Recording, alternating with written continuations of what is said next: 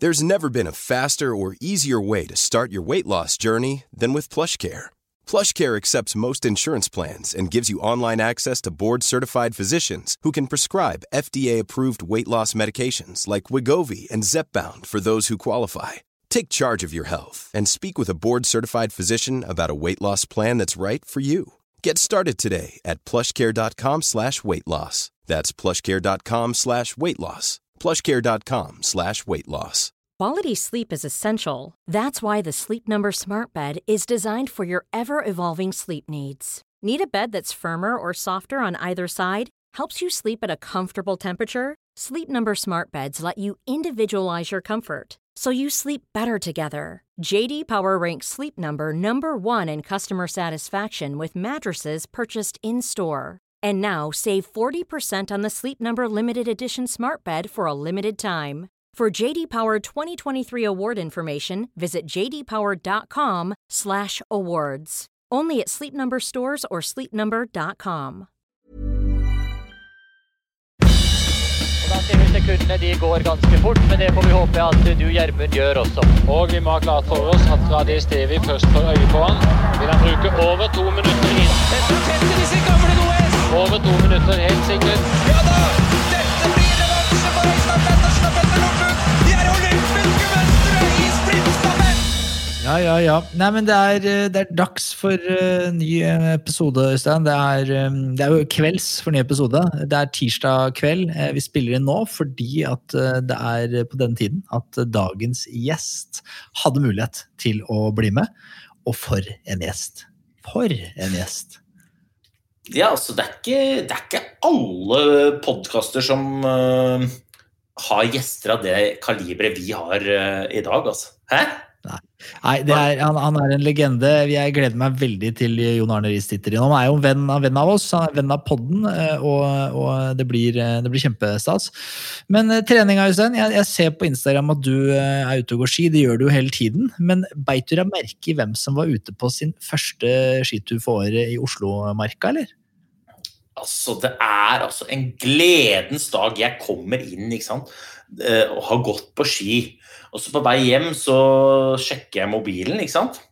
Og der, der er det story fra Insta, Insta-story fra skipodden. Og der er lille Hans ute og jager kilometer oppe ved Ullevålseter. God stemning. Ja, altså, det er, jeg er jo glad i både Hanso, kilometer og Ullevålseter. Altså, det var, det var et kinderegg. Åssen ja, var det? Det, var, det, var, altså det, det er altså så nydelig. Altså jeg, jeg, og jeg skjønner ikke Jeg vet jo egentlig hvor deilig det er, og jeg skjønner ikke at ikke jeg bare kommer meg ut og gjør det oftere. Og det er den der, for Her er det ikke dørstokkmila, for den sliter jeg egentlig ikke så mye med, men den derre T-banemila. Og det å krangle seg inn på sånn, sånn der covid-19-vogn, eh, og, og, og skulle opp, og så var det opp i Sognsvann, da, jeg gikk derfra, fordi det var kortest, men det er jo basically som altså, det, er jo, det er jo ikke løyper, for det er så mange som har gått og ploga. Du går jo i kø, eller altså, vet ikke hva man skal kalle det oppover der, uavhengig av når det er. Dette var jo da mandag kveld jeg gikk. Eh, men allikevel så er det verdt det. Det er verdt det hver dag. Det er verdt det, alltid verdt det. Så man burde bare, burde bare gjøre det oftere. Det er bare å sette av tid. Så ja, Ja, altså, for mutteren, hun, eller mutteren og fatteren bor i Oslo, og mutteren sa at at det har vært så mye folk i Oslomarka. Og det skal jeg bare si dere, folkens, at det gleder idrettshjertet til Øystein Pettersen. Altså, jeg blir så glad når jeg hører at folk er ute og koser seg, om det er på ski eller på skøyter. Til og med de folka som trasker i løypa. Altså. Øh, altså, jeg er så raus nå. Det, tenker jeg, sånn, det er greit å traske litt i løypa så lenge du er ute og gjør greia di med et smil. og Det er deilig å høre.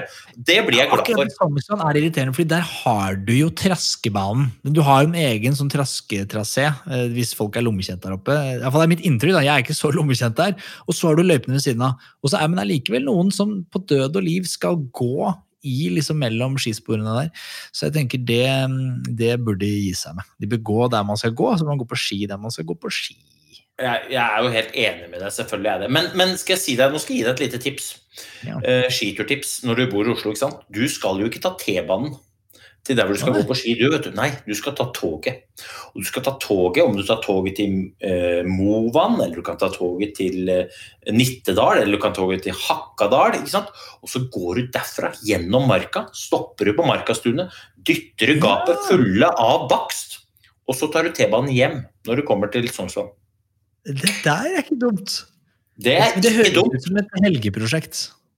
Ja, det, det er det nok, men, men det gjør ikke noe. Altså, du, jo, du er jo glad i både helg og prosjekt, du er ikke det? Det er, det er to ting jeg liker. Men det som jeg beit meg mest merke i, var at jeg fikk jo litt en sånn kjennepreken av deg, som det er flere som har hengt seg litt opp i. Eh, og det var at eh, jeg tok, eh, tok og filma og snakka direkte i kamera, skamløs som jeg var, så var du ganske rask på pletten og sa at du kan ikke bære bøffen på den måten. Fordi jeg hadde da, til de som ikke har sett dette, så hadde jeg da lue på, og så hadde jeg dratt bøffen sånn over, hva det var kalt, over lua. Så den var utenfor lua. Ja, eller altså, og, og, og jeg må ta selvkritikk med en gang, for jeg kaster jo bomber i glasshus, for jeg hadde jo bøffen under lua. Eh, og, og det er, eh, det er disk, så, så vi er begge diska. Men jeg hadde jo bøffen under lua og, og sånn, det er greit. Det er disk, jeg tar den. Men du hadde bøffen sånn som eh, Jeg vet ikke om Husker du mormor og de åtte ungene? Eh, ja, altså, jeg husker boka, men det, det Ja, nei, altså, ja, nei, du har ikke sett, du har ikke ligget på deg en unge, vet du, men altså, du hadde jo på deg bøffen som et skaut. Altså, du så jo ut som du skulle ut og plukke bær. Du skulle ut Og og, jage kilometer. Ikke Ja, sånn jeg. Ja, det er jo, du må jo leite mye etter de bæra der til deg nå, da, men, men sånn, Klæbo har den, har den kule stilen. Du kjørte den skautestilen. Eh, Hvordan er det, det helt ærlig, dette er nysgjerrig. Hvordan er det man skal bære bøffen uten å se ut som mormor fra mormor og de åtte ungene? Nei, Man må ikke ha bøffen sånn at på en måte, bøffen eh, går i kant i kant med lua foran. Altså, Det er bøffen skal helst være liksom på, på bakhodet. Eh, eh, men når det er sagt, så eh, jeg skal legge ut et bilde av hvordan jeg hadde bøffen når jeg gikk i mål på et par skirenn. Og jeg er helt på mormor og ungene-stilen sjæl, da. Men det bare, jeg bare, bare drar deg ned, liksom, så ikke du skal føle deg helt uh. Rocky Balboa. Det merka jeg var oppe sånn her, og, og grunnen til at jeg var oppe sånn her, det var at jeg, jeg gikk på litt. ikke sant? Og jeg, jeg er jo ikke i spesielt god form, jeg sliter jo, jeg sliter jo fortsatt med akillesen. Den plager meg såpass at jeg, jeg, vet ikke helt liksom, hva man skal gjøre her. Eh, men i hvert fall, jeg, jeg gikk jo så så men jeg gikk på. Og så merka jeg at det, var ingen som gikk Jeg gikk forbi mange. Ingen gikk forbi meg. Inntil det var én. Det var én som kom der. Og, og, prøv, og så prøvde jeg meg også til sånn, nå skal jeg faen meg legge meg på den. Nå skal jeg ta den i spurten. Funka ikke. Funka ikke i det hele tatt. Han, da hadde jeg gått på alle verdens smeller. Så, jeg så fokuserte jeg på teknikken. da, Albuene fram, og, jeg følte jeg klarer å aktivere ryggen bra når jeg staker. og Jeg fokuserte teknikk da, opp med hoftene, tuppa, spark fra på tuppa. og Det funker, de greiene der. Så klassisteknikken min den, er sikkert ikke, er sikkert ikke perfekt, men den, den kjennes bedre ut enn den var for en måned siden. Så det har jo Altså- det har vært god hjelp. Men, men jeg tror vi er faktisk nå inne Nå er vi der, Hanso, at vi må få se et klipp av hvordan er det Hanso er når han gjør greia si. Du har noen kompiser som kan filme deg. Vær så snill. Dere som kjenner Hanso, inviter Hanso med på en treningsøkt. Fisk fram mobilen og få tatt Altså, vi fortjener å se Hanso når Hanso gjør greia si. Når han etter eget utsagn aktiverer ryggmusklene i, i skigåinga? Altså, vi er interessert i å få dette billedliggjort. Vi vil kaste terning. Ja, for det jeg kan vise er min gamle stakemetode som er mye smalere. Og, og den faller jeg jo tilbake til gamle synder selvfølgelig, når jeg iblant når jeg glemmer meg. Men mens når jeg får ut albuene, jeg vet ikke hva det er, jeg føler at da har jeg litt mer snert i, i, taka. Så det, den, Ja, men det er. Men det kan være det er på følelsen. Jeg har jo ikke, har jo ikke liksom gått om kapp med meg selv eller med noen andre for den saks skyld. Så jeg vet ikke. Jeg er inne, altså. Men um, Nei, Ja. og hvis jeg skal da drive litt Ja. eh, Nei, nei jeg, skal, jeg skal drive litt eh, reklame her nå. Nå skal jeg drive litt reklame. Og det er ikke for Skiboden, det er faktisk for. Dagbladet. For i dag så var jeg og møtte da, Dagbladet på Birkebeineren eh, eh, i en temperatur som var eh, Når jeg kikka på temperaturmålet, så sto det innevær. Men eh, jeg møtte de der ute, og vi laga en sånn liten, rolig sånn pølsas eh, skiskole på 1, 2, 3 på staking. Så eh, For de som lurer, liksom, så kommer det en eller annen snutt på et eller annet betalingsmur, sikkert, på Dagbladet. Og hvis dere lurer, ikke gidder å betale Hvis ikke dere gidder å betale, og vil ha liksom high end-versjonen på det jeg ga til Dagbladet For jeg gadd ikke å liksom selge ut de beste triksa. Er, eh, så, så sier dere fra. Men dere, hvis, det, eh, hvis dere har sånn Dagbladet Pluss, eller jeg vet ikke om det er de digitale, eller liksom bak betalingsmur heller, men det kommer noen eh, billedliggjorte tips og triks der, da. Det er de samme triksene som jeg sa på poden. Det er det. Ja, så det er, Du kunne reklamert for podden, din egen pod ved å si 'hør på den', men du valgte heller å reklamere for Dagbladet Pluss. Det er bra. Klokt valg. Det er Interessant valg. Nå skal jeg fortelle deg det var. for Han var litt, sånn, han var litt smart, han der fyren. vet du. De hadde kjørt opp fra Oslo, skulle lage et litt sånn helgeintervju. Og så kom han opp dit og så sa han eh, og så kanskje er det greit å ta et lite sånn eh, stakekurs òg, for du er jo innmari god i staking. sa han. Og så, eh, og så sa han eh, for desken ville gjerne det. Så mellom linjene her Jeg skjønner jo at desken dreit jo hardt i det der intervjuet. De vil jo bare at jeg skal lære Dagbladets lesere å snakke. Og så tenkte jeg, hva må vi bi for det? Er vi, vi gir den et par skiver og prater om 'Mesternes mester' og de greiene der, og så, så får vi masse klikk. Smart! Det det. Dra til. Lillehammer. Det er det, det er det de er. Det er det de er noen kyniske journalister som vil lære oss. da. Jeg vet ikke om det er toppen av kynisme, men det er i hvert fall det er på lista. kanskje. Jeg vet ikke altså. Nei, men, eh, men eh, det, er grunnen til jeg trener er jo alternativt. Det er jo fordi at eh, jeg, jeg, vi driver med Skipoddens 3000 meter challenge. Det er altså dritgøy. Rett og slett dritgøy at det er så mange som har meldt seg på. Vi er, vi er vel det nesten er 200 stykker ja, da, som har meldt seg på, som har lyst til å være med å løpe. Det er dritmoro. Og, og, og jeg føler at jeg leverer ikke jeg leverer ikke på, på, på, på par med mange av lytterne. Og det er jo først og fremst fordi jeg sliter med akillesen. Og det, jeg, jeg, jeg hater unnskyldninger, og nå sitter jeg og har dem sjæl. Men da må man være alternativ. Jeg har jo hatt, vært kjent for det. Jeg har jo sykla bysykkel, jeg har sykla intervaller på bysykkel. Jeg er den eneste i historien som har gjort det. Jeg er den første, og forhåpentligvis og sannsynligvis den siste som har gjort det. Og nå har jeg da selvfølgelig da klart å, å få tatt meg noen skiturer. Jeg tror det er mer bærekraftig. Eh, men, men det er kjempestas at dere har gjort det. Jeg testa jo den nye polarklokka. Brukte den eh, på skituren. Så nå er jeg på strabba, vet du, Øystein. Så nå kan du velge? Ja, men det er bra. Ja, det er deilig. Jeg liker det. jeg liker det. Men da, eh, da er det på tide at vi begynner å levere på, på, på, på denne challengen sjøl. Så da skal jeg, nå kommer det her nå. Jeg forplikter, jeg, Øystein Pettersen, mann 37, forplikter meg til å løpe 3000 meter innen uh, neste pod. Jeg eh, bor jo på Lillehammer, der er det jo forholdsvis mye snø, så jeg tror jeg må gjøre det på mølla. Men det skal jeg gjøre. Og du, Hanso, Ja. forplikter deg til å gå det remmer og tøy tåler fra Sognsvann til Ullevålseter. Vi vil se det på Strava. Vi vil se Ja, på Strava. det er greit, Strava, har ikke skjedd. Den er grei. Den er veldig grei. Men eh, det er, veldig bra du sier det der, fordi det er flere som har spurt om det. Hva, hva skjedde med tida di? Skulle ikke løpe rundt nyttår? Jo, det skal vi gjøre, og tiden er nå.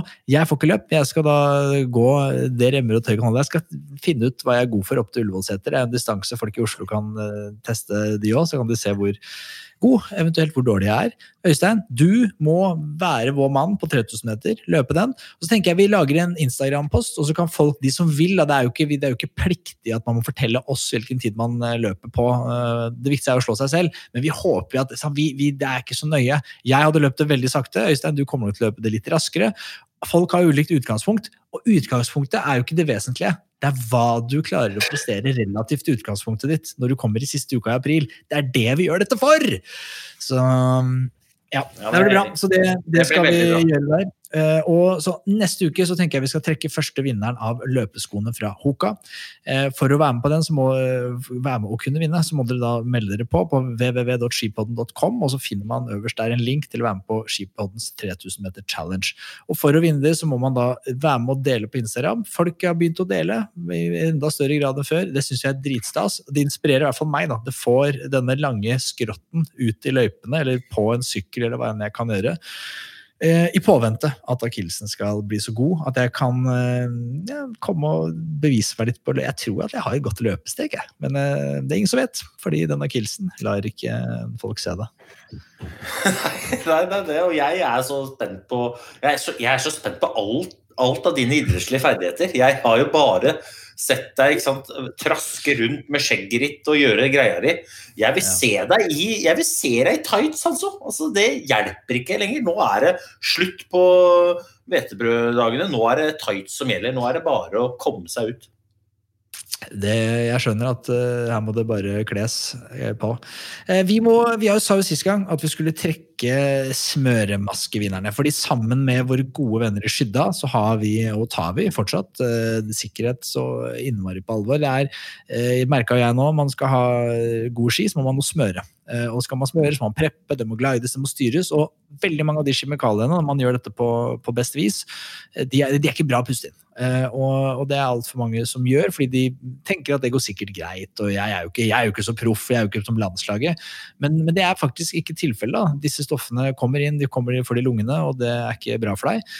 Eh, Skydda har eh, utrolig mye bra utstyr som passer på, på ja, De passer for på alt mulig, men det som de har valgt å lodde ut, eller vi kan gi bort i premie, det er to smøremasker. En som er dritgod, så jeg husker faktisk ikke helt prisen, men jeg tror det var sånn 10 000 eller sånn. Den koster. Altså det er sånn med sånn suge, sugesystem og altså, Den er superbra. Eh, og så har de en som er mer enn god nok, som også er kjempekostbar. Eh, og de skal vi nå eh, dele ut. Øystein, er du, er du klar? Ja! Fordi for å kunne vinne disse, så måtte man ha rata podkasten, hvor enn. Eh, Det er mange som har rata på Apple Podcast, det er mange som har rata på Facebook, det er noen som har rata på eh, Jeg husker ikke hva alle disse det er. Folk har rata overalt. Og vi har gått gjennom, putta det inn i, i eh, en sånn randfunksjon, og så har vi funnet en vinner. Vinneren av andrepremien er Audun Grunn. Yes. Altså det, Og- hadde det vært lov med korps og fanfare, så hadde vi hatt det, men det er ikke lov. Nei. Audun Grunn, send oss en melding et eller annet sted med adresse og, og fullt navn. adresse. Jeg antar du heter Audun Grunn, med mindre du opererer under fake navn. adresse, så vi kan få sendt deg en maske. Vinneren av førstepremien, den råeste maska, eh, det er Rune Heide. Vår mann Rune. Det er, Sånn er altså det. rett i kassa. Rett i kassa. kassa. De, og hvis dere andre har lyst til å, å ta helsa på alvor, som jeg anbefaler dere å gjøre, så går dere inn på skydda.no, så ser dere hva som fins der. Men nå må vi jo gå og snakke om ski snart. vi ikke det? Nå må vi snakke om de som kan gå på ski. For det har jo vært en haug av ting Øystein, i, i helgen. Det er helt riktig. Det har vært en haug av ting. Så du Jessica Dickens, eller? Ja, om jeg gjorde. For en, ny, altså for en nydelig dame, for en flott dame, og for en verdig vinner. Altså, jeg nekter å tro at det satt noen altså jeg, tror, jeg tror selv liksom jeg tror selv folk i Sverige satt og tenkte sånn Helt ærlig, vi heier på Jesse Diggins. Og ikke det at ikke vi unner altså, vi, altså, vi unner Ebba, og, vi, og det er jo synd at uh, Frida Karlsson ikke var At hun ble skada der. Sånn, det er jo veldig synd. Uh, men, men liksom Jesse Diggins, fy flate. Heia henne, og kjempefortjent. Ja, det var deilig. Eh, Men eh, svenskene, de gjorde det bra, altså. Én ting er jo Altså, én ting er damene, eh, for de er jo beviselig vært gode. Men altså, på lørdag på lørdag så kom det vi venta på. Altså. Det har vi venta på lenge. Og det er litt trist, men det var deilig at det skjedde. Altså, vi fikk en svensk vinner i et skirenn i verdenscupen. Ah! Det var litt deilig. Ja, det, om det var deilig, det var kje- kjempestas. Og, eh, og det er litt tilbake til røttene. Jeg føler hvert sånn når jeg begynte å var ung og så på langrenn, så var det liksom når sprint kom og først dukka opp, så var det jo svenskene som dominerte sprintlangrenn. Du hadde Bjørn Lind, du hadde Tobias Fredriksson. altså Dette gamle kara dine, dette, Øystein. Peter Larsson han vant jo bare i Düsseldorf, men han vant jo i hvert fall. Han var jo helt rå. Du hadde jo masse gode folk. altså Mathias Fredriksson, du hadde Jørgen Brink. Han går jo enda, tror jeg. Altså Det er, var jo så mange bra. Men nå er han tilbake. nå. Det var så deilig. Jeg håper da at den seieren til Oskar Oskar Svensson, jeg håper at den bidrar til at de svenske gutta får tilbake litt gløden. For når jeg har sett uh, Kalle Alfarsson, så liksom én ting er at den ikke har gått så fort som han ville, men han har, har ikke, har ikke virka som han syns det er noe gøy heller. Han har vært litt sånn å nei. Men nå håper jeg. Og en annen ting.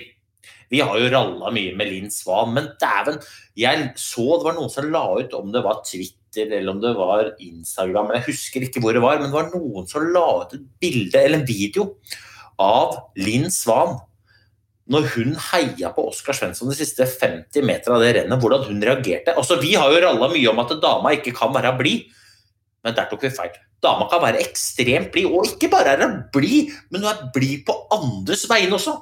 Linn Svan, jeg trekker tilbake alt jeg har sagt om at du er sur. Du er jo fantastisk dame. Det er bare jeg som har tolka deg feil. Altså, du er bare raus. Ti poeng. ti poeng, Og, det, og ikke minst det at eh, kanskje det er det som måtte til. At hun er bedre på å bli glad på andres vegne enn sine egne. Og det er en god egenskap. Det skal man Det- ikke kimse av. Nei, og kanskje blir så skuffa på de andres vegne når hun vinner selv at hun vil ikke liksom trykke de enda lenger ned. Det er derfor, hun- det er derfor hun ikke Nå skjønner jeg det helt. For, altså, dette er snakk om mor Teresa. Ja, det er, altså, jeg husker ikke om det er vel empati eller sympati. Jeg husker ikke hva som er evnen til å leve seg inn i andres glede og sorg. Hun har enorme mengder av det. Så når hun vinner, så blir hun bare skuffa. Øh, Ja. ja, det er bra. Herrene, det var jo ikke noe overraskende det, at uh, Bolsjunov vinner med det var, vet jeg, Han vant jo med Tre- tre minutter, 3-23. minutter. Ja. 3 minutter og 23. Altså Den største mm, seiersmarginen var jo Martin Sundby, 3.15. Men på den tida var det òg bonussekunder for å vinne etapper. Det var det ikke i år. Han vant med 3.23. Altså, det er uh, Gratulerer. God innsats. Uh, det var helt sinnssykt. Men, men det var jo Altså, altså Det han gjør, er bare sånn helt sinnssykt. Og så er jeg er jo ærlig på at jeg er veldig spent på hvordan de norske gutta hadde gjort det mot den. Det, det vet man jo ikke. Man kan godt sitte og se at det ser ut som det går fortere eller saktere. Eller, det vet man jo aldri.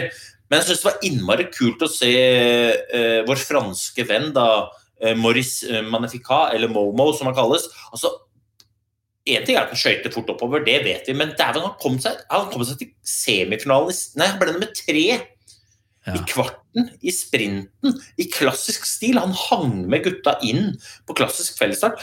Momo begynner å bli i form da, til VM i Oberstdorf. Eh? Må huske da at det er et sprintfelt som er litt redusert på slutten av Tour de Ski. Eh? Jo, jo. jeg, jeg, imponerende. Jeg tror ikke jeg hadde hengt med, men, men altså, det, det er sant, vi må ikke uh, Men han imponerende. Altså, uansett, andreplass det er sammenlagt der. Det er, eh, er bra. Ja, altså, og du kan godt si at det er et litt redusert felt, da, men eh, Kalle Halvorsson er en brukbar sprinter. Han, altså, han er ikke noe, det er ikke noe kasteballsprinter, men Momo kom plutselig bare altså Når Maurice Magnificat kommer med, med de rolige franske trinna sine oppover der som to stetteglass, da, så var det jo helt ja, Det så ut som det var altså, Han bare Nå er det Tour de France, nå er det Tour de Ski, nå er det bare kjøre på. Det er deilig å se. Jeg syns Det det, var- mye positivt. Ja. Tyskerne altså Vi har kasta bomber mot eh, tyskerne nå i lang tid, for de er jo så dårlige. Men de, plutselig så var de jo om ikke De var ikke, de var ikke best i klassen, men i hvert fall bedre i klassen. Det er jo hyggelig å se. I fellesstart klassisk, alltid en eller annen som sniker seg fram. Alltid en tysker. Der er de gode. Det er alltid det er en tysker. Ja. Du er feil sted. Er, du hører ikke hjemme her foran. Folk blir overraska. Hva gjør du her? Har du, er, har du tatt bussen, liksom? Hva er det som foregår? Ja, ja. Og, og eh, en annen som imponerte, var jo Eller det var mange som imponerte, men på damesiden også så var det jo en annen tysker, Katarina Hennig. Hun var jo plutselig oppe og spilte, var nikka på pallen, liksom. Ja. Eh, og så hadde du ja, og i hva da? Klasses fellesstart. Der var du framme. Nei, og i hvilken distanse? Klassisk fellesstart. Selvfølgelig. Det er alltid tyskere tysker klassisk fellesstart. Det, det er jo det, du veit det. Det er det de sier. Det er det de sier. Ja, så hadde jo, så hadde jo Krista Permikoski eh, rapportert, kom inn, er sladda liksom inn i toren, har vært litt syk der før Kussamo og sånn og sånn, og hadde ikke helt trua. Plutselig så var hun helt oppe og spilte og ble nummer fem sammenlagt, var det ikke? Det? er Kjempebra. Dette, dette blir spennende. Og dette er jo litt det som vi har etterlyst, at eh, måte, vi trenger litt spenning før VM. Så nå, selv om vi vet at eh, de norske er veldig gode, så vet vi ikke hvor gode de er. Og det er jo spennende. Ja, men jeg, jeg vil, jeg vil, du er eh, eksperten i podden her, og jeg føler du hoppa litt sånn raskt forbi å spekulere i hvordan hadde dette gått hvis de norske var med. Jeg synes, nå syns jeg vi skal få høre litt spekulasjon. La oss ta, la oss ta herrene først. Hvordan hadde, hadde noen kunnet utfordre Bolsjunov? Tror du det? Ja, det tror jeg. Jeg tror at Med det rennprogrammet som var nå, så tror jeg at noen kunne ha utfordra Bolsjunov. Men jeg tror faktisk at med den toeren han hadde, og med den formen han hadde, så tror jeg han hadde vunnet. Men jeg tror ikke han hadde klart å gå ifra på fellesstarten i Valmors der, f.eks.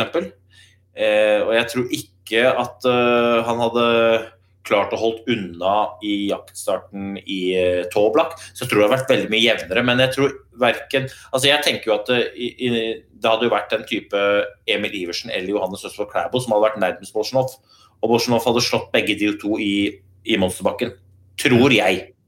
På damesida etter det jeg så av Therese Johaug på Lygna, så tror jeg at Therese Johaug hadde smadra smadra de. Jeg tror det. Det er lave odds på å bette på at Therese skal smadre folk. Altså, det er det hun er. altså.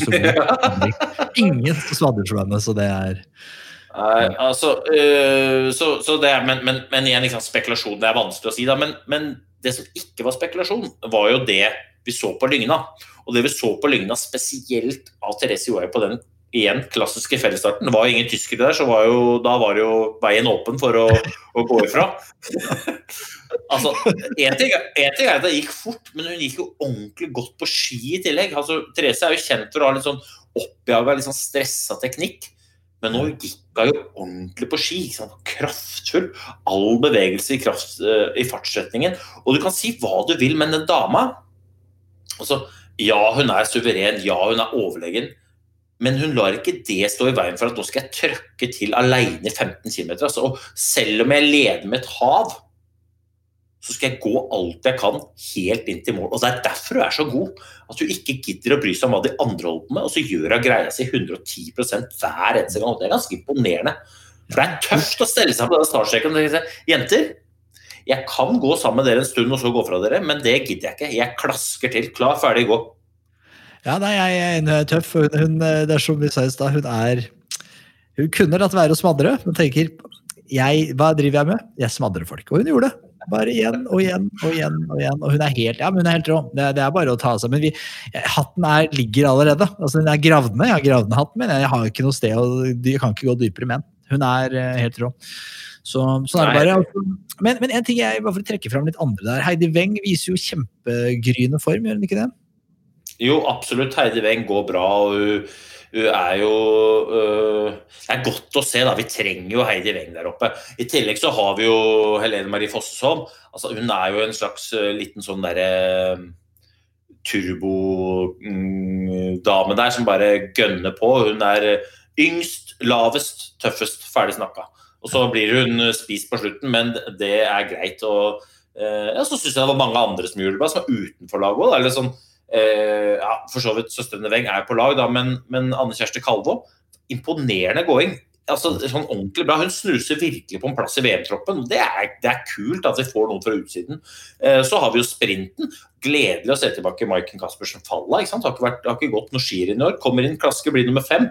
Alle vet at Maiken er god for veldig mye bedre, men hun trenger et par renn for å få børsta litt rust i, i låra, og så kom det ut til å være dritbra. Og utover det så syns jeg det var mye bra gåing, altså.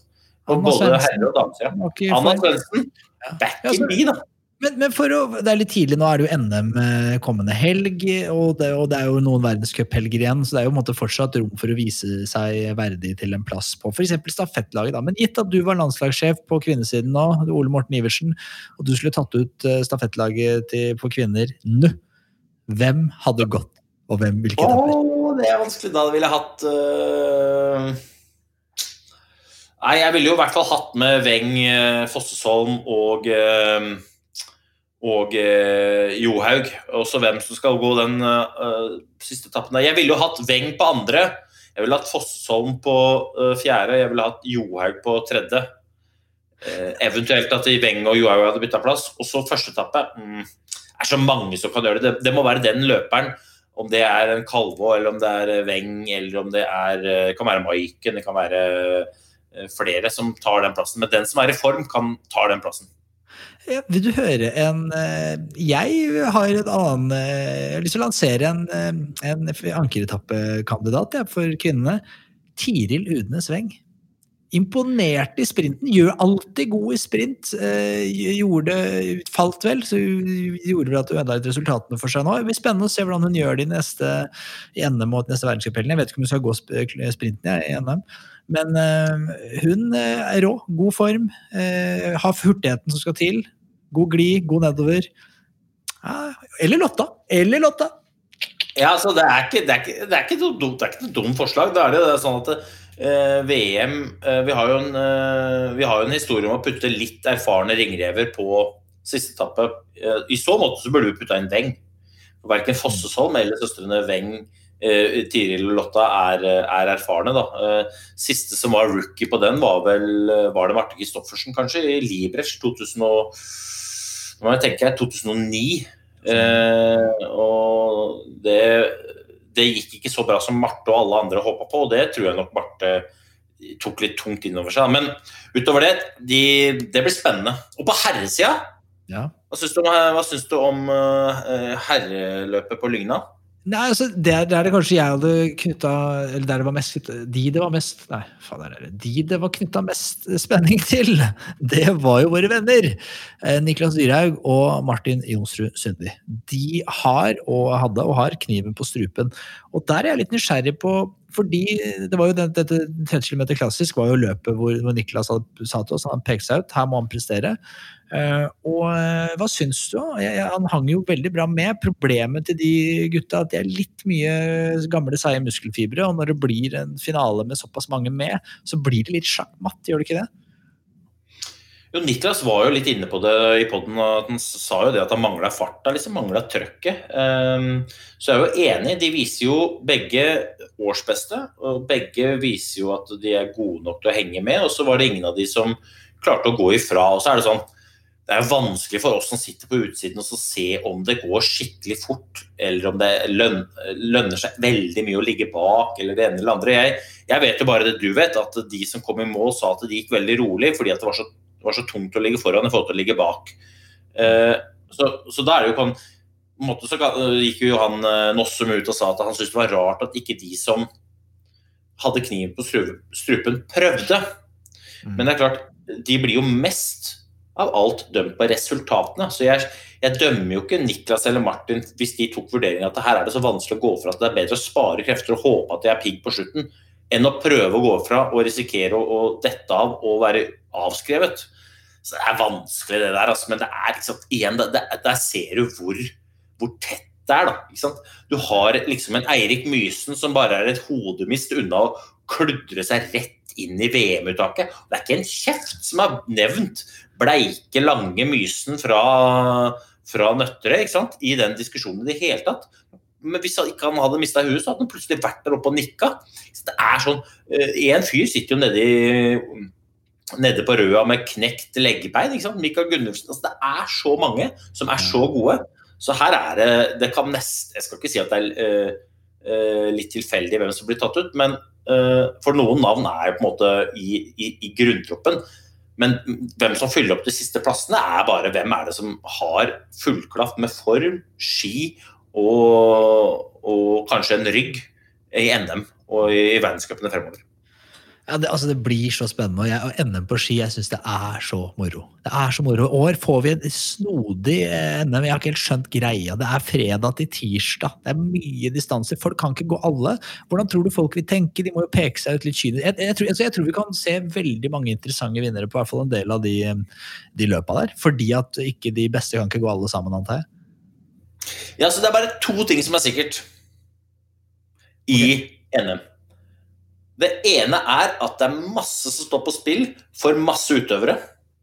Det andre er, Hanso, at vi har ingenting med det å gjøre utover at vi skal sitte i sofaen med kaffen klar og følge med.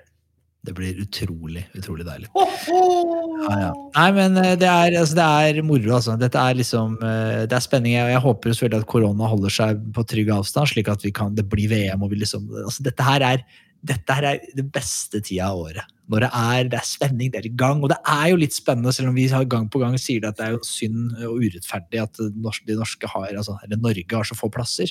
Så det blir så hard konkurranse. Men den konkurransen gjør i seg selv at NM på ski for Jeg syns alltid det er mer gøy enn verdenscupen. For det er den spenningen. Kommer det noen nye? Hva? Altså, kommer det noen langløpere inn her? Og så har du Sverre Mysen, som du nevner, som bare dukker opp. Og disse juniorene! Kirkeby, heter han, Kirkeby Mørk, og han derre sønnen til Veslekar Hjelmeset.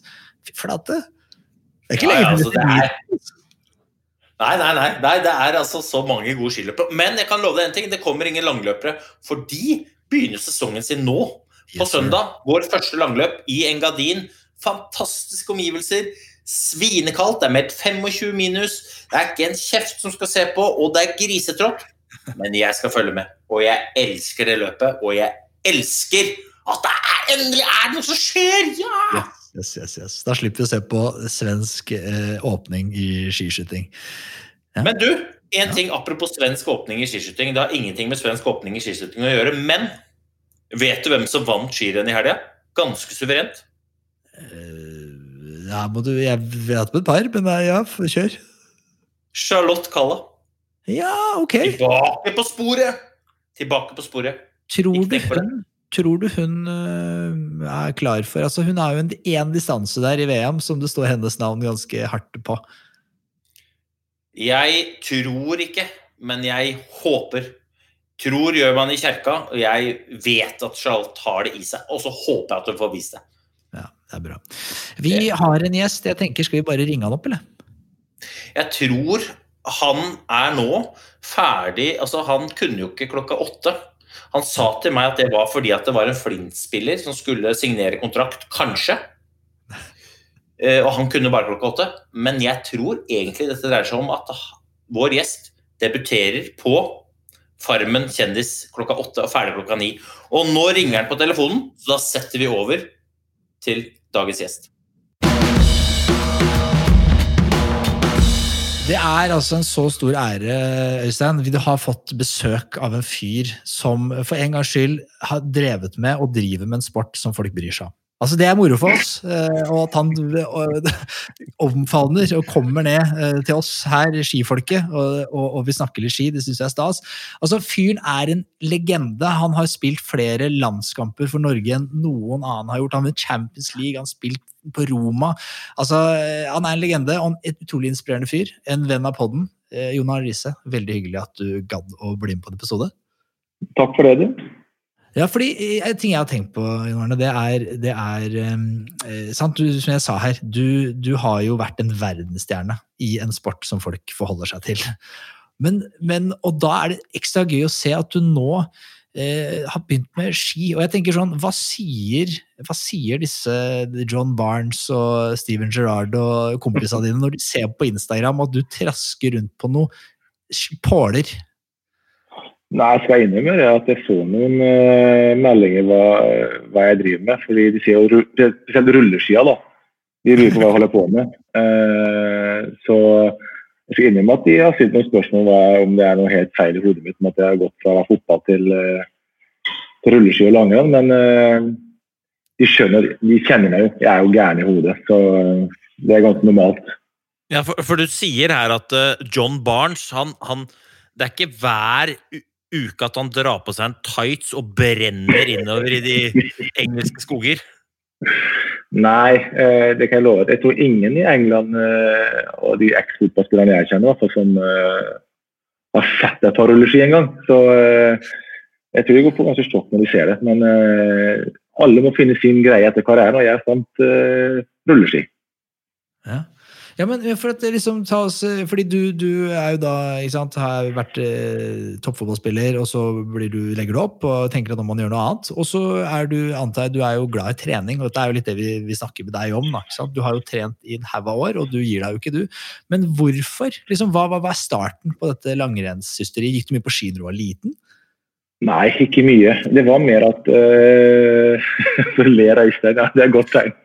Ja, det er sånn, det, vet du hvor han vokste opp, liksom? Det er ikke, det er, det er ikke skisportens vugge. Ålesund, det er det ikke. Nei, men jeg skal innrømme at eh, når jeg la opp så, eh, som fotballspiller, så bestemte jeg meg for å ta et, et par år eh, helt fri, egentlig.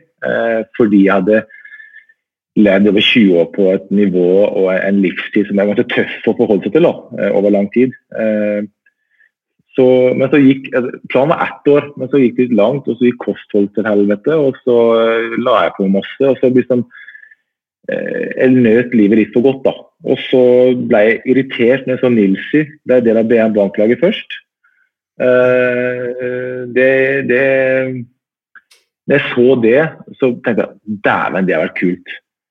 Og Jeg hadde aldri gått på rulleski før. Jeg er veldig på ski, langrenn. Eh, så husker jeg at Pølsa tok kontakt med meg.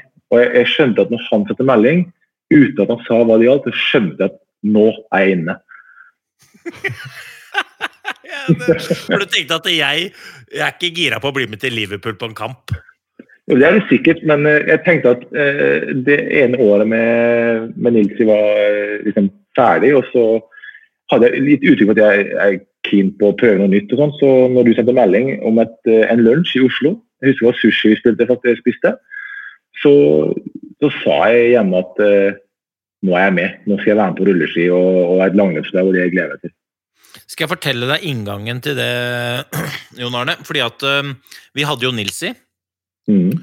og så var han ferdig, eller det vil si at han uh, Han ble jo aldri ferdig han, han er jo, Nå er det jo jeg som er med Nilsi, men det er jo en annen sak. Men, men inngangen til det var at vi, vi, Nils var ferdig, og så tenkte vi sånn Ok, hvem er det vi skal ta inn på laget som gjør oss bedre skiløpere?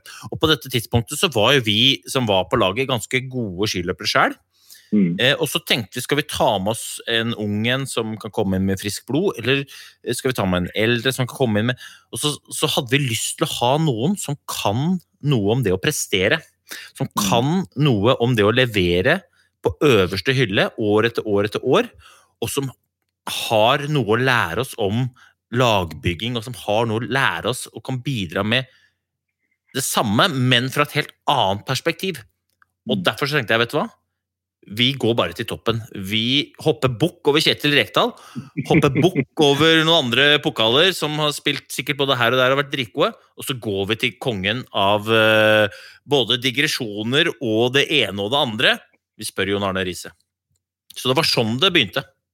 Jeg var, veldig, jeg var ekstremt glad når du gjorde det. Eh, det er rart å si det, men vinne Champions League, men bli glad for å bli spurt om å gå på langrennslag. Det, det er to forskjellige verdener, men, men, Blir spurt om å være på Liverpool, greit nok. Blir spurt om å være på Medbank, yes, mutter'n! Det, er, det er mer at det å, å Jeg elsker å utfordre meg sjøl eh, i noe. Og spesielt når jeg vet jeg er dårligst. Det å da kunne motbevise eh, andre, eh, ikke minst meg sjøl, eh, teste mine grenser. Og det eneste jeg angrer på det året, var at jeg hadde for mange baller i lufta eh, og fikk ikke gjort den jobben jeg burde ha gjort med trening. Selv jeg trente ganske bra. og jeg, jeg, jeg skjønner ikke den dag i dag at jeg klarte å fullføre de langløpene som jeg gjorde, med den formen jeg var i, i forhold til hva jeg er nå. Eh, for nå har jeg trent kolossalt mye mer i år enn jeg gjorde da. Men jeg fullførte langløpet, jeg fatter og begriper at jeg klarte det. Og jeg husker en dag i dag når Øystein Pølstad Pettersen og Simen Østensen og Morten Eire står på oppløpet på første langløpslaget. De har dusja, de har spist lunsj, de har på nye klær. Og der kommer jeg ned den siste bakken der, og jeg, satt, jeg husker Øystein sa til meg Riise, han satste livet ned den siste bakken der, for jeg satt i hockey, og det gikk så fort!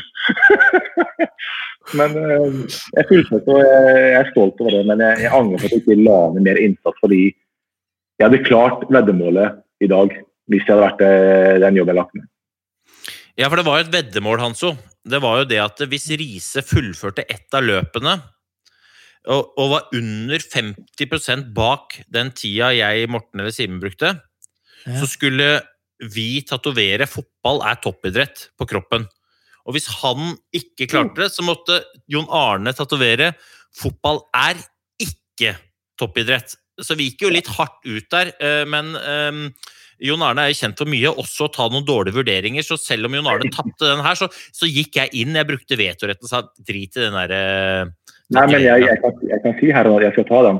Nei, ikke gjør det. Men, men, men, men, men det som er gøy, da, Jon Arne, jeg må jo bare si at det er jo altså, det er jo veldig gøy ikke sant? å reise rundt. Ikke sant? Som, det er som han som sier, det er jo ikke en kjeft som bryr seg om langrenn ute i den store, vide verden. Men når vi da kommer med Jon Arne Riise, så er jo det liksom Jeg husker jo fortsatt han pokalen som sto i disken på, på hotellet i i Marcialonga. Altså, der kommer vi inn. ikke sant? Jeg har vært på pallen i Marcialonga. Simen Østensen har vunnet i Marcialonga. Morten Eide Pedersen har liksom alltid ledet Marcialonga inntil det eh, er fire meter igjen. da. Liksom, vi, er, vi er stars of Marcialonga. Så kommer det bare altså, inn en søppelsekk av en skiløper, og han fyren bak diska bare har du spilt på Roma? Og Jon Arne sånn Ja, ja, slapp av. slapp av. Ja. Han rett opp på suiten. Jeg og Simen ble stua inn og kott og ble bedt om å bære bager. Altså. Det var altså, det var en ære å reise rundt. Og jeg må jo si det òg, at det er jo gøy da, at du liksom byr litt på deg sjæl på den måten der. Jeg, øh, husker du La Diagonella? Eh, jeg vet ikke om jeg har lyst til å huske. Var, var det da eh, tidsfristen? Mm, mm, altså, da hadde vi jo så Når du kom mot mål da, så, så sto vi nede i gata der og heia på det. Det var ikke fordi at vi hadde lyst til at du skulle tyne ut de siste kreftene dine, men det var fordi vi hadde altså så dårlig tid for å rekke fly i München at vi hadde jo kjøpt inn det du elsker å spise etter skirenn. En bag med drit. Jeg husker du satt vi, vi, kjørte altså mot uh, fra Engadin, dalen, mot München i en fart som uh, jeg ikke har lov til å si hva var. Mens du satt altså Her er det snakk om en Champions League-vinner. Han sitter i framsetet på en slitt uh, leiebil. Og han sitter i full skidress med skiskoa på, startnummeret på, og han drikker av en potetgullpose. Ikke sant? Og vi kommer inn i München, og Ingen vet hvem jeg er. Ingen vet hvem Simen Østensen er. Ikke noe som bryr seg. Men det er klart folk legger merke til at det kommer inn en Champions League-spiller. En Champions League-vinner med potetgull i munnviken, krydder på fingra, i full skidress, og sjekker inn på siste fly til Oslo. Nei, men det, det, som er historien, det er at jeg visste på starten, så sa dere du kan ikke bruke lengre tid enn det der, for vi skal rekke flyet. Og jeg staka jo det, det løpet. Jeg valgte å stake. Eh, fordi jeg ble jo med fordi jeg ville teste grenser, og, og stake langløp er liksom tingen. Så jeg, jeg, valgte å stake, og jeg husker etter tre og en halv mil halvveis Vi hadde jo trent dagen før, så jeg visste jo hva som var igjen av løypa. Sånn det var tre og en halv mil igjen. Inn i skogen. Var ingen publikum, var ingen hjelpere. Jeg, jeg, jeg, var, nær, jeg, var, nær, var næringstom. Jeg hadde ingen, ingen drikke igjen, ingen gels igjen. Og jeg, jeg stoppa opp, og så begynte jeg å gråte. Jeg hang over staver, og jeg gråt. For jeg hadde ikke krefter igjen. Armene, armene var gelé. Og så kommer det folk forbi meg. og Jeg står der og, og jeg har på meg brillene fordi tårene triller. Og jeg tenkte sånn Altså, jeg hata livet så jævlig, for jeg var så langt inn i et i skogen. Og så tenkte jeg, og så så jeg på klokka tenkte fy faen, jeg begynner å få dårlig tid for jeg rekker flyet. Og så tenkte jeg ok, nå må jeg komme fram til et punkt, eh, og så seile nedover. Så visste jeg at når vi kom på Flatøra, så hadde vi trent dagen før, så jeg visste jo at ja, nå er det sånn 10-15 igjen. Nei, nei. Fordi når du kom til der vi starta dagen før du trente, så ble det enda 10-15 til. Og det var bare opp og ned og topper. Og jeg staka og jeg gråt og jeg visste ikke hva jeg skulle gjøre. Og så husker jeg det kom den siste bakken som går sikksakk oppover. Så visste jeg at jeg har et kvarter på meg til vi må sitte i bilen. Det visste jeg. Så jeg kom opp der, jeg har bilde på telefonen min. Eh, brillene er på halv åtte. Lua er over ene øret og andre viser. Jeg henger over staver. Og så hører jeg plutselig kommer Øystein Pettersen med jævla mobilkameraet sitt og filmer og roper og heier. Simen Østensen det samme. Og, jeg, og så husker jeg det kommer mål, så roper spikeren. Og der kommer, På italiensk, da, eller på, på engelsk, da, der kommer nummer 19 datten. Nummer 69 hadde jeg faktisk i tillegg. Og så sier han Former football player og Champions League is coming over the line. Og så, datt jeg ned i det, og jeg, jeg gråt sånn. Og så sier Tølstad Du kan ikke ligge her, vi må i bilen! Jeg satt i bilen her med skigreiene på og spiste Eller jeg drakk potetgull. Nei, det var Men som du sier, de turene der Jeg forguder det. Jeg savner de turene. Det var så fantastisk å være med.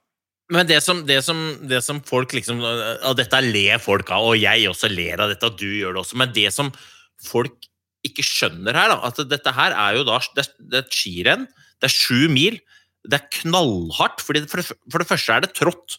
Det er liksom, det er så kaldt at uh, hvis du går der og ikke har trøkket for forhuden, så har du gjort en kjempetabbe.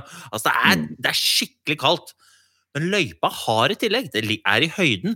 Det er så hardt at uh, når vi gikk det rennet, så syntes Simen Østensen det var så hardt at han brøyt. Og Simen Østensen er en godt trent fyr. Mens Jon Arne Riise han liksom muscle through, og det sier jo litt om, om at uh, Ja, det er mye fjas med Jon Arne Riise, men når først Jon Arne Riise bestemmer seg, så gjør han jo greia seg skikkelig. Og det er jo innmari gøy. Og så syns jo jeg det er innmari gøy Jeg skulle gjerne visst liksom hva de folka som sitter ved siden av Jon Arne Riise på flyet, tenker. Når de liksom tenker sånn De, de kikker litt sånn Er det Jon Arne? Han ligner Den mannen som sitter ved siden av meg med startnummer i skidress, ligner veldig på Jon Jeg tør ikke å spørre, men jeg tror det er det. Jeg tar et sånn smugbilde med kamera for å sjekke. Liksom, jeg lurer jo litt på det. Jeg syns det er gøy. Ja, men altså, det er et spørsmål hvor, hvorfor, som mange- sikkert tenker, som jeg antar du tenkte selv når du sto Du var tre og en halv mil igjen, du var næringstom, og da må man jo spørre seg selv hvorfor gidder jeg? Altså, trenger jeg dette? Jeg har på en måte gjort, jeg har fått til et par ting, liksom. Må jeg Og det, hvorfor gidder man? Det har med mestringsfølelse å gjøre, eh, for din egen del. Det har å pushe grenser. og Samtidig så når jeg gjør noe, så er jeg ganske klar på at mange vil til å mislykkes. Sånn er det bare. Eh, Sånn er dessverre verden, og spesielt i Norge.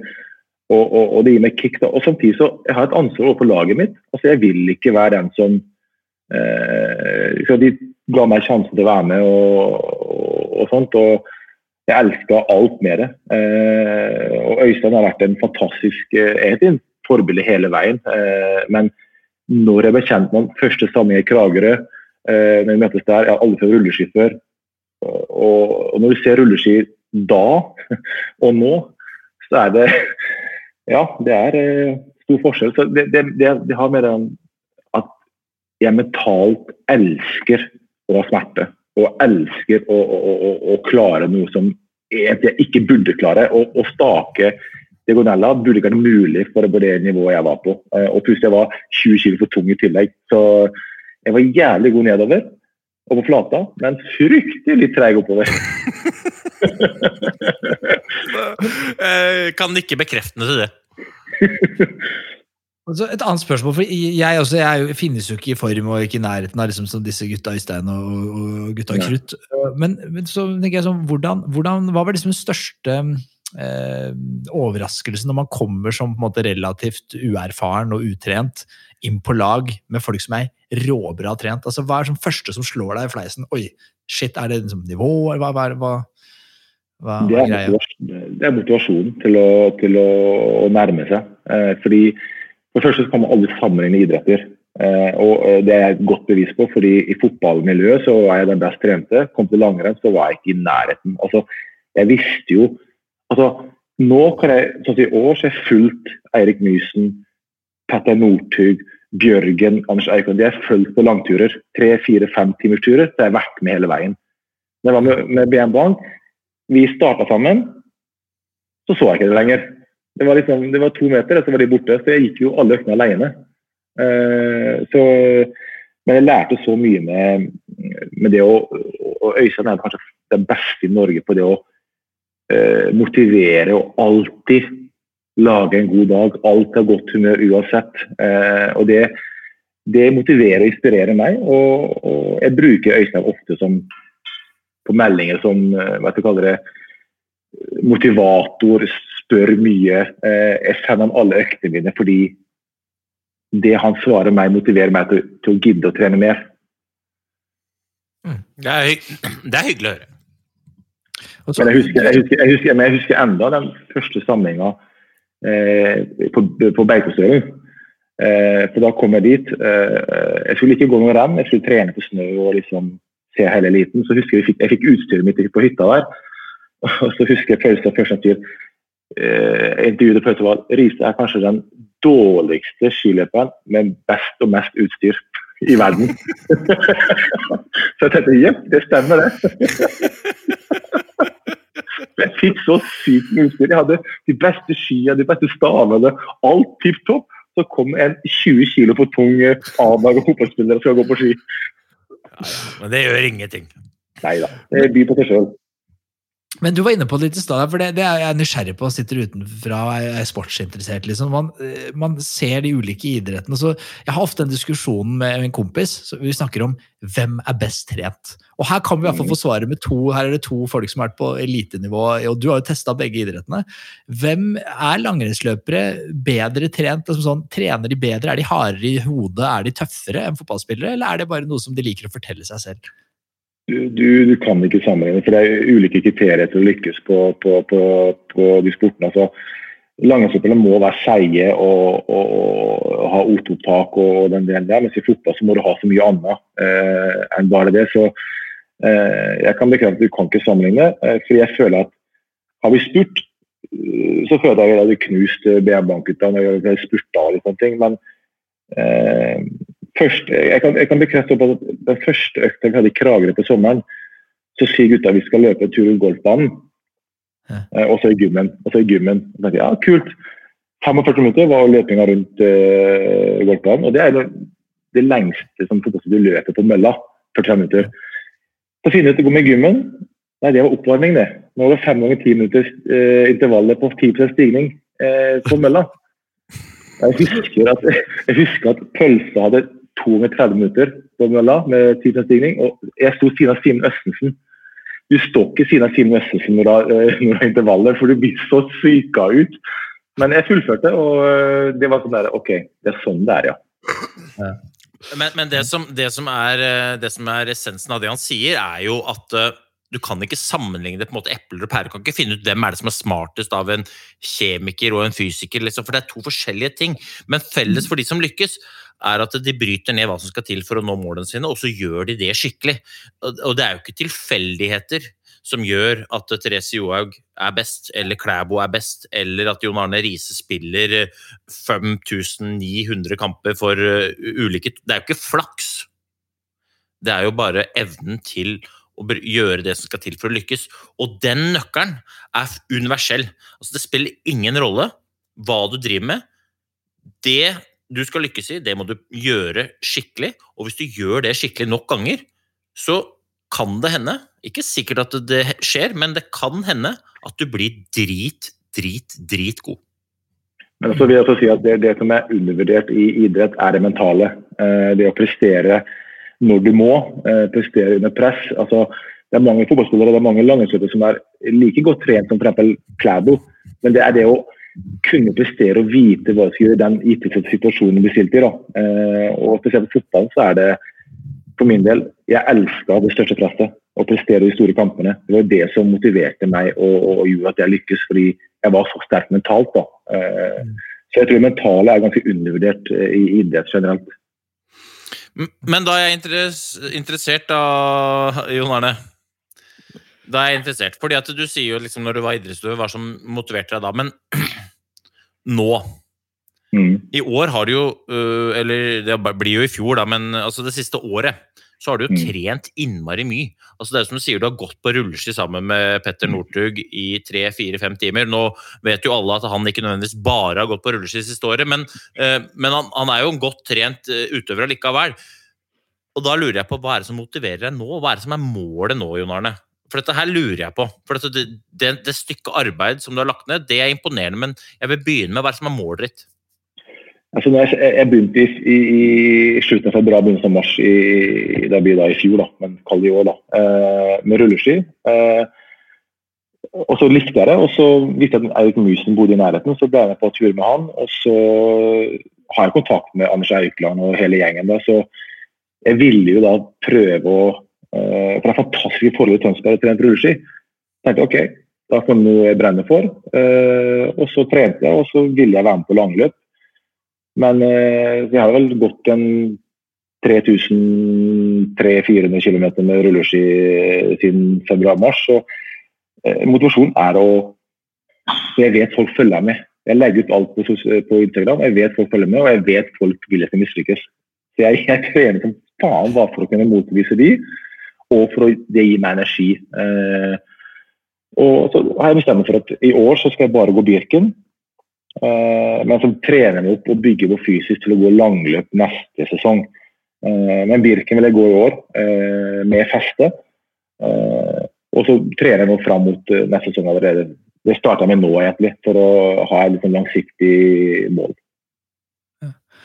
Har du noe resultatmål liksom, med, med denne treninga her? Altså, hva, hva er liksom Er det noe Er det være topp eh, et eller annet i et langløp? Er det Ja, noe du har, det er vanskelig å si, men eh, jeg har jo lyst til å være topp et eller annet i De løpene jeg har lyst til å gå, er eh, Marcelonga, eh, Birken og Vasan, i hvert fall de.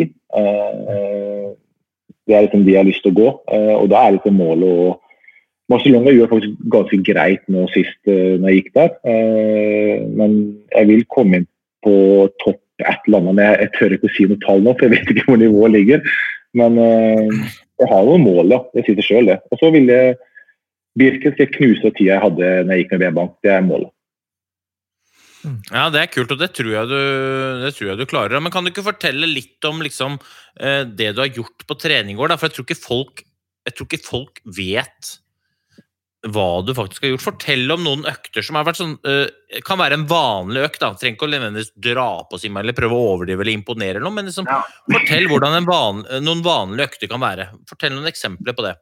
Nei, nå har jo Eirik Mysen uh, tatt ansvar for treninga mi så vi, uh, mot langløp. da. Eh, så eh, en vanlig, si På sommeren da, på, på rulleski så var det ofte eh, en langtur eh, på en mandag. Kunne være alt fra to til fem timer på rulleski. Eh, gikk jeg med Mysen, så gikk jeg i begynnelsen så gikk han med trehjul, jeg gikk med toerhjul. Eh, men siden sommeren så gikk vi begge på trehjul, og da klarte jeg å følge. Men problemet da er at de går roleturer.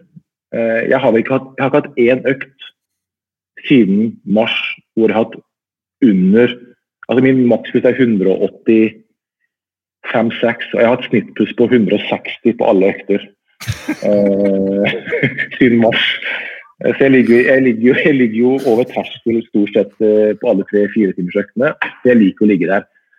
Eh, Men eh, jeg, legger inn en, tipper en to to-tre langturer på minst tre timer på rulleski, og så er det to-tre intervalløkter på rulleski. Eh, og så er jeg kutta i styrke fordi jeg er for svær. Jeg må ned en del kilo, så jeg kutter i styrke. Og så har jeg å løpe igjen nå, da. Eh, For Mysen mener at eh, jeg må løpe mer. Eh, så, men det blir fort Vi gikk jo én tur på 100 km i sommer i én økt. Og det var ren staking.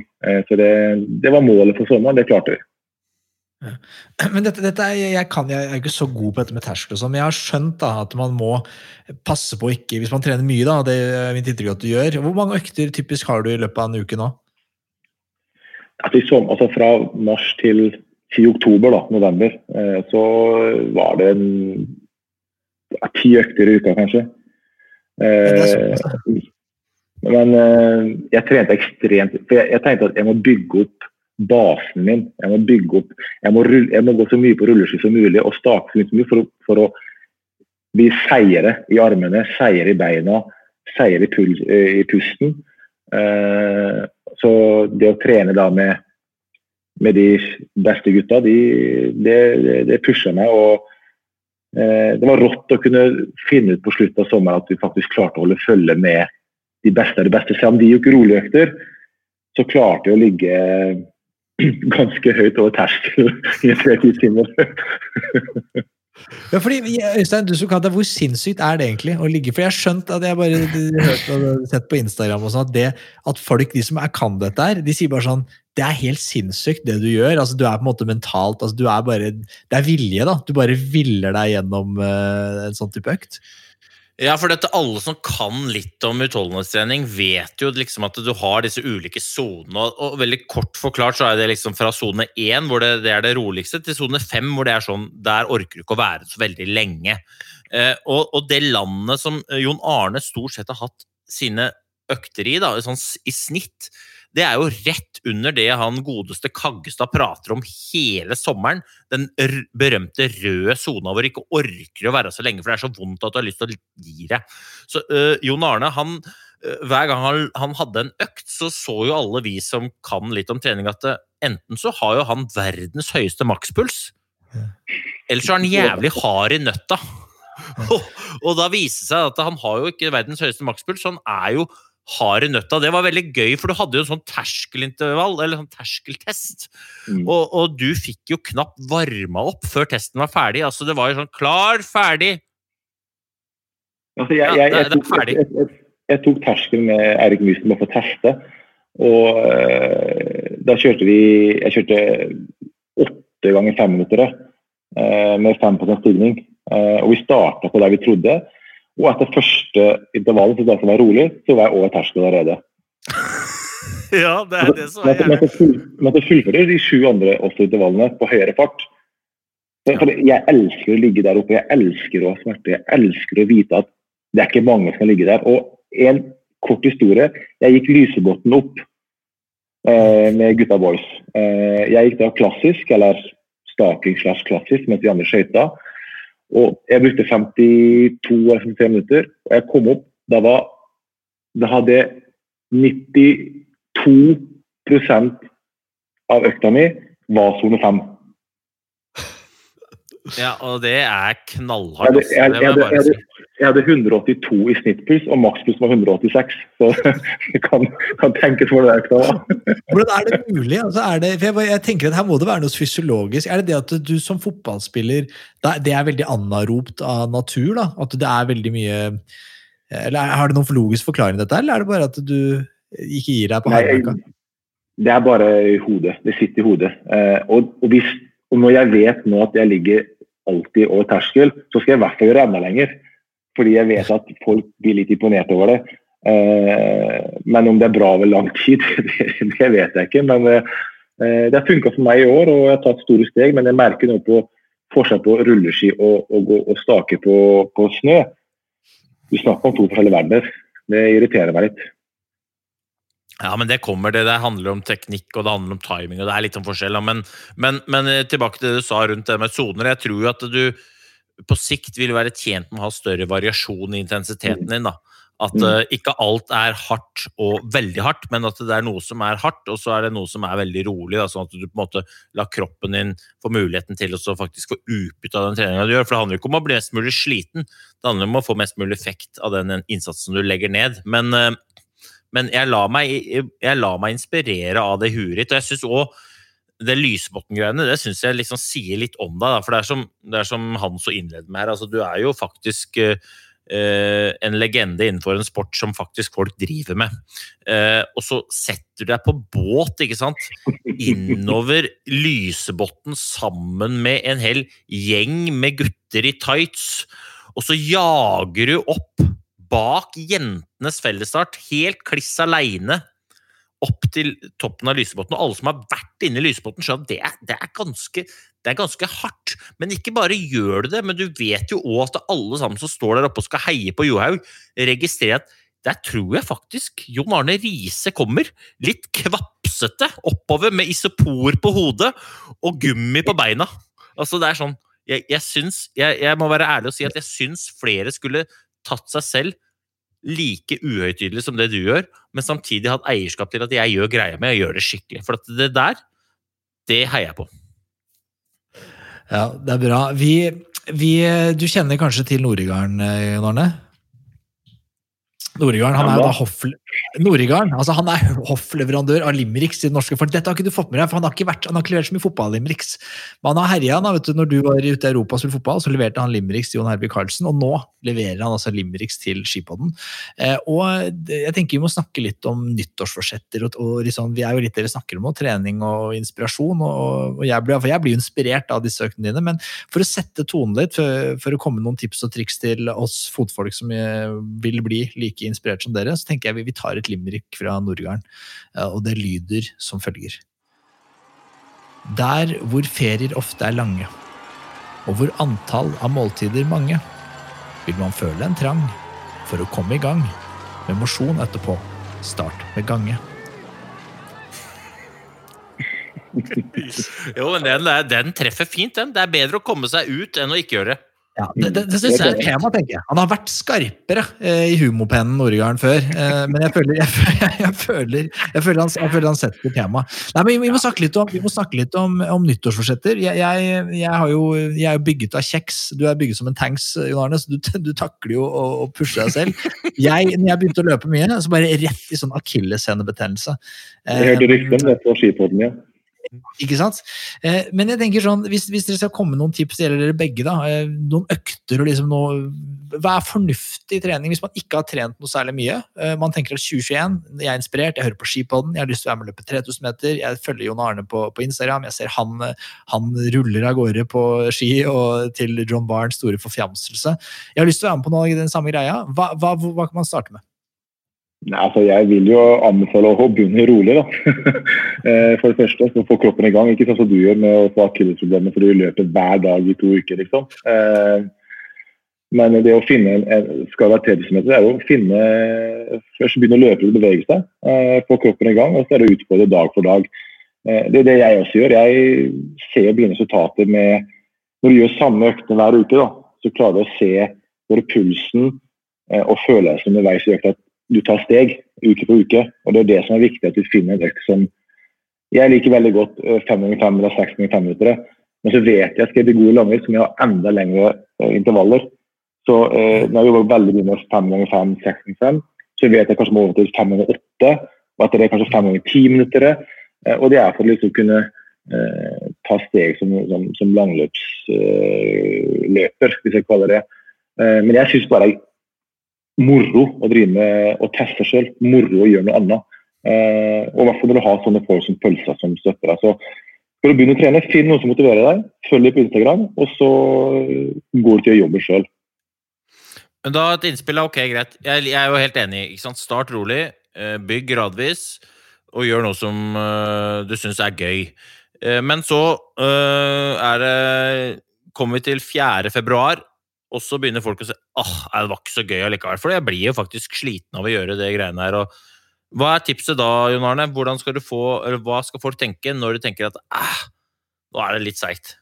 Det er da jeg bruker deg og andre som motivatorer.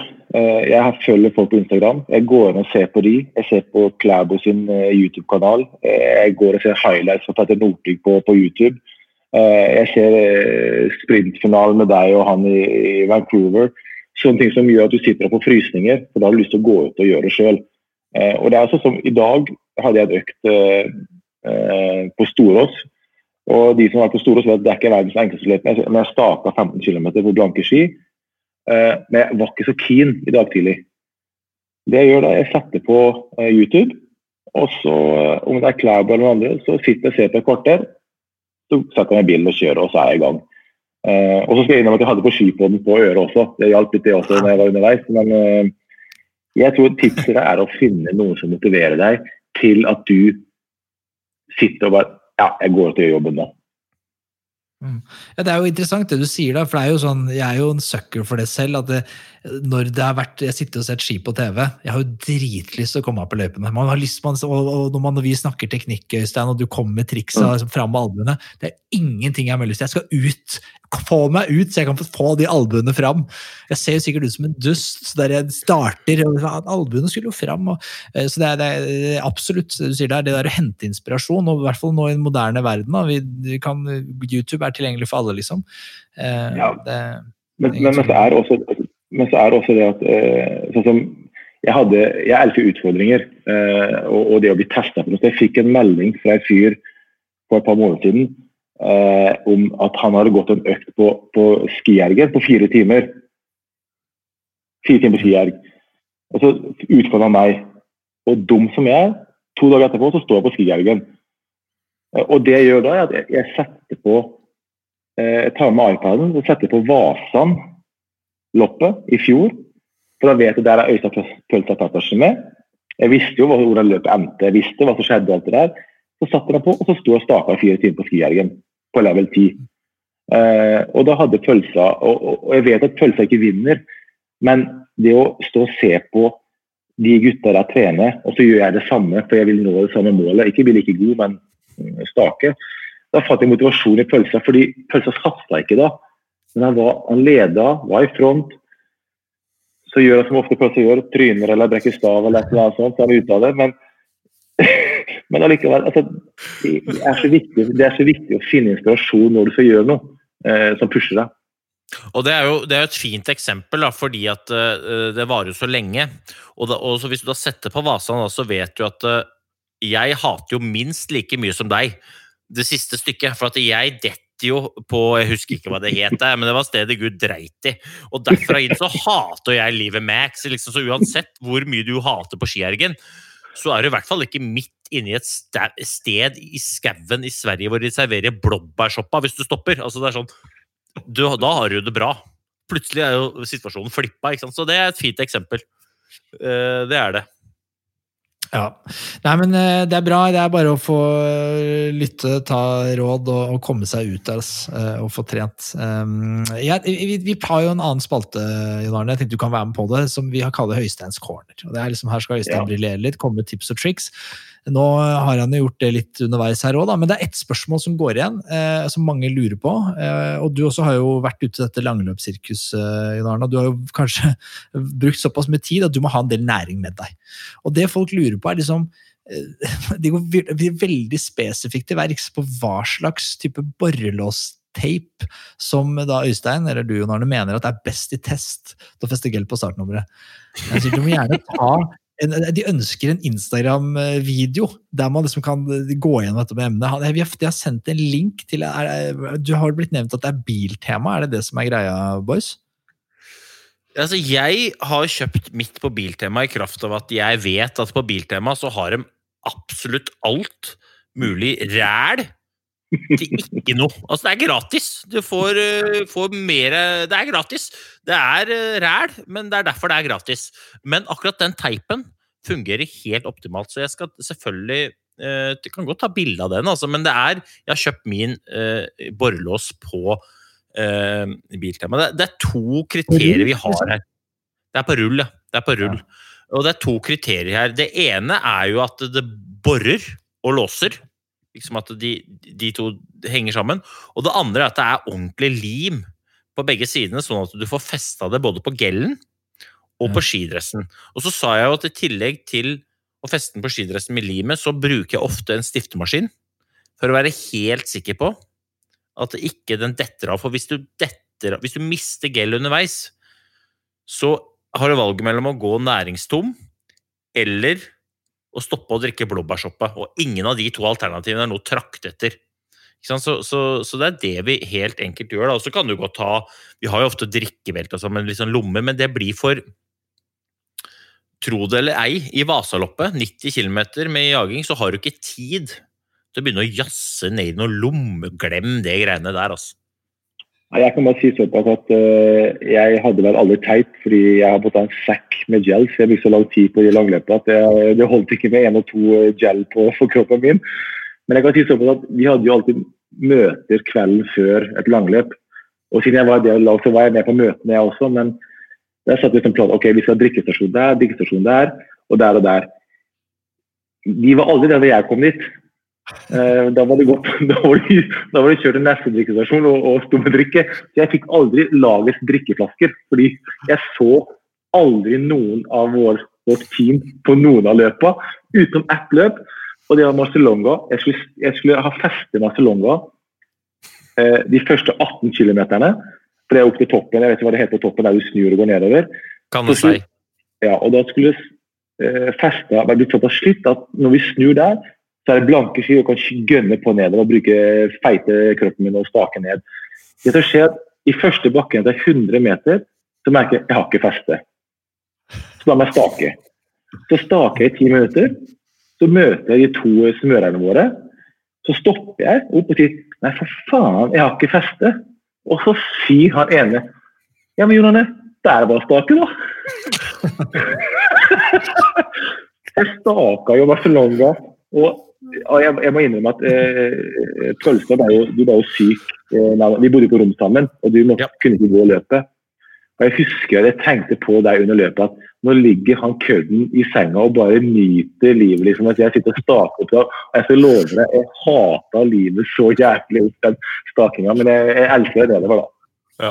Nei, men det er, eh, det er jo ja, det er en fin liksom, eh, begynnelsen på avrunding av poden at du bare sier at eh, kom dere ut på ski, folkens. Det er bare dritt. Ja.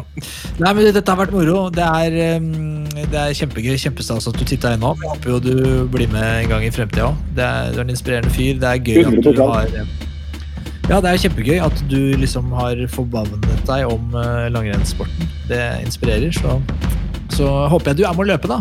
3000 meter. Siste uka i april. Håper jeg vi ser deg. Ja, jeg skal prøve på det, og så tipper jeg du kommer til å se meg neste år på Beitostø eller åpninga der, og et par andre løp. Eh, Jeg skal være med på noe klassisk løp, det skal jeg love deg. Men eh, skal vi hoste opp en eh, liten sånn beef her nå, eller? Ok? Jeg, jeg vil jo se Hvem er raskest av Hanso og Riise i Birken i år? I år? Ja! Nei, men Det er jo feige lag. Han har jo trent i så lenge. Jeg er med på den, men, men, jeg er med på den, men samtidig husker du følelsen Pettersen i veddemålet vi hadde? Og at hvis et eller annet skjedde, så skulle du gå Birken. Det var for noe? Hoppski, slalåmski, et eller annet, jeg vet ikke. Du skulle gå med slalåmski og slalåmstormer, så skulle du Ok, men hør nå, hør nå, hør nå. Dette her kommer Jeg merker allerede nå at jeg angrer, men jeg sier det. Hvem er raskest av Hanso på langrennsski, Riise på langrennsski og Øystein i Jeg må bare finne et eller annet slags utstyr som er tungt og drit. Jeg kan, kanskje jeg skal gå i sånn fatso-drakt, sånn sumodrakt?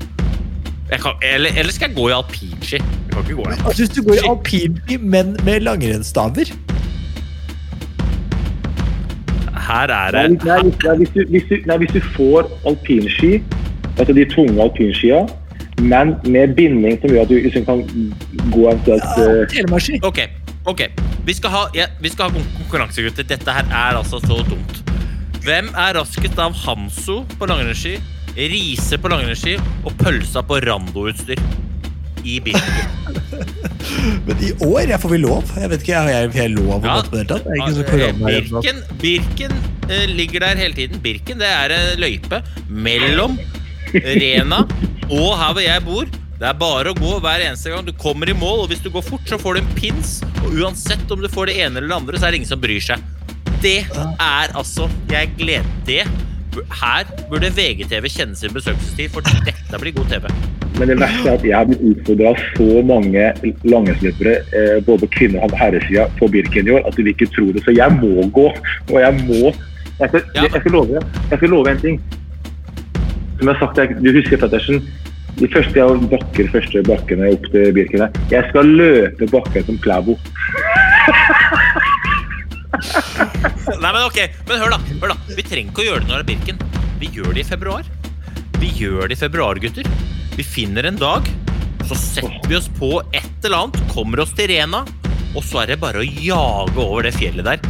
Og jeg tror vi skal gjøre det litt sånn For å gjøre det litt spennende Så er det 20 minutters startintervall Så ikke vi ser hverandre Men Jeg må jo ha et handikap her, boys. Altså, dere, er jo, altså, dere har vunnet Champions Ja. League og OL-gull! Ja, ja, men du- du Ja, men du har jo et handicap engang. Du har jo et handikap, Og det er at du er høy Du tar jo ett steg, du ser over første bakken. Ja, det er jo det Du er jo SK, ikke sånn sant? Du bare. Jeg vet ikke om det er sånn det fungerer, uh, dessverre. Du er, du er høy, jeg er tung, og pølsa er liten og god. Så det her blir perfekt, det. ja. I februar er er vi vi, er, vi, er vi med på dette, folkens? Altså, jeg er med på Eh, alt, men jeg, Jeg, nå er jeg fornøyd med en challenge. Februar. Ah, jeg gruer meg. Nå må vi slutte. Altså, vi nå må- må jeg begynne å vi lade Vi må slutte å recorde nå, for det, er, før dette, det kommer til å komme fullstendig ut av kontroll. Igjen, Det var kjempegøy. Det er alltid gøy å snakke med dere. Dere er nydelige. Nytt Nyt kvelden. Dette er jo, det er jo så mye reality-serier som dere er med på. Følg med på. Du er med på Farmen eh, nå, er du ikke det, Jon Arne? Det har ikke det vært premiere i kveld? Det er jo, I dag er faktisk første episode. Se der. se der. Vi har ikke snakka noe om det. Det får bli neste gang. Øystein, du er jo rett ut av 'Mesternes mester', så det er ikke noe å prate om lenger. Dere er nydelige. Shalabais. Vi preikast. Ha det.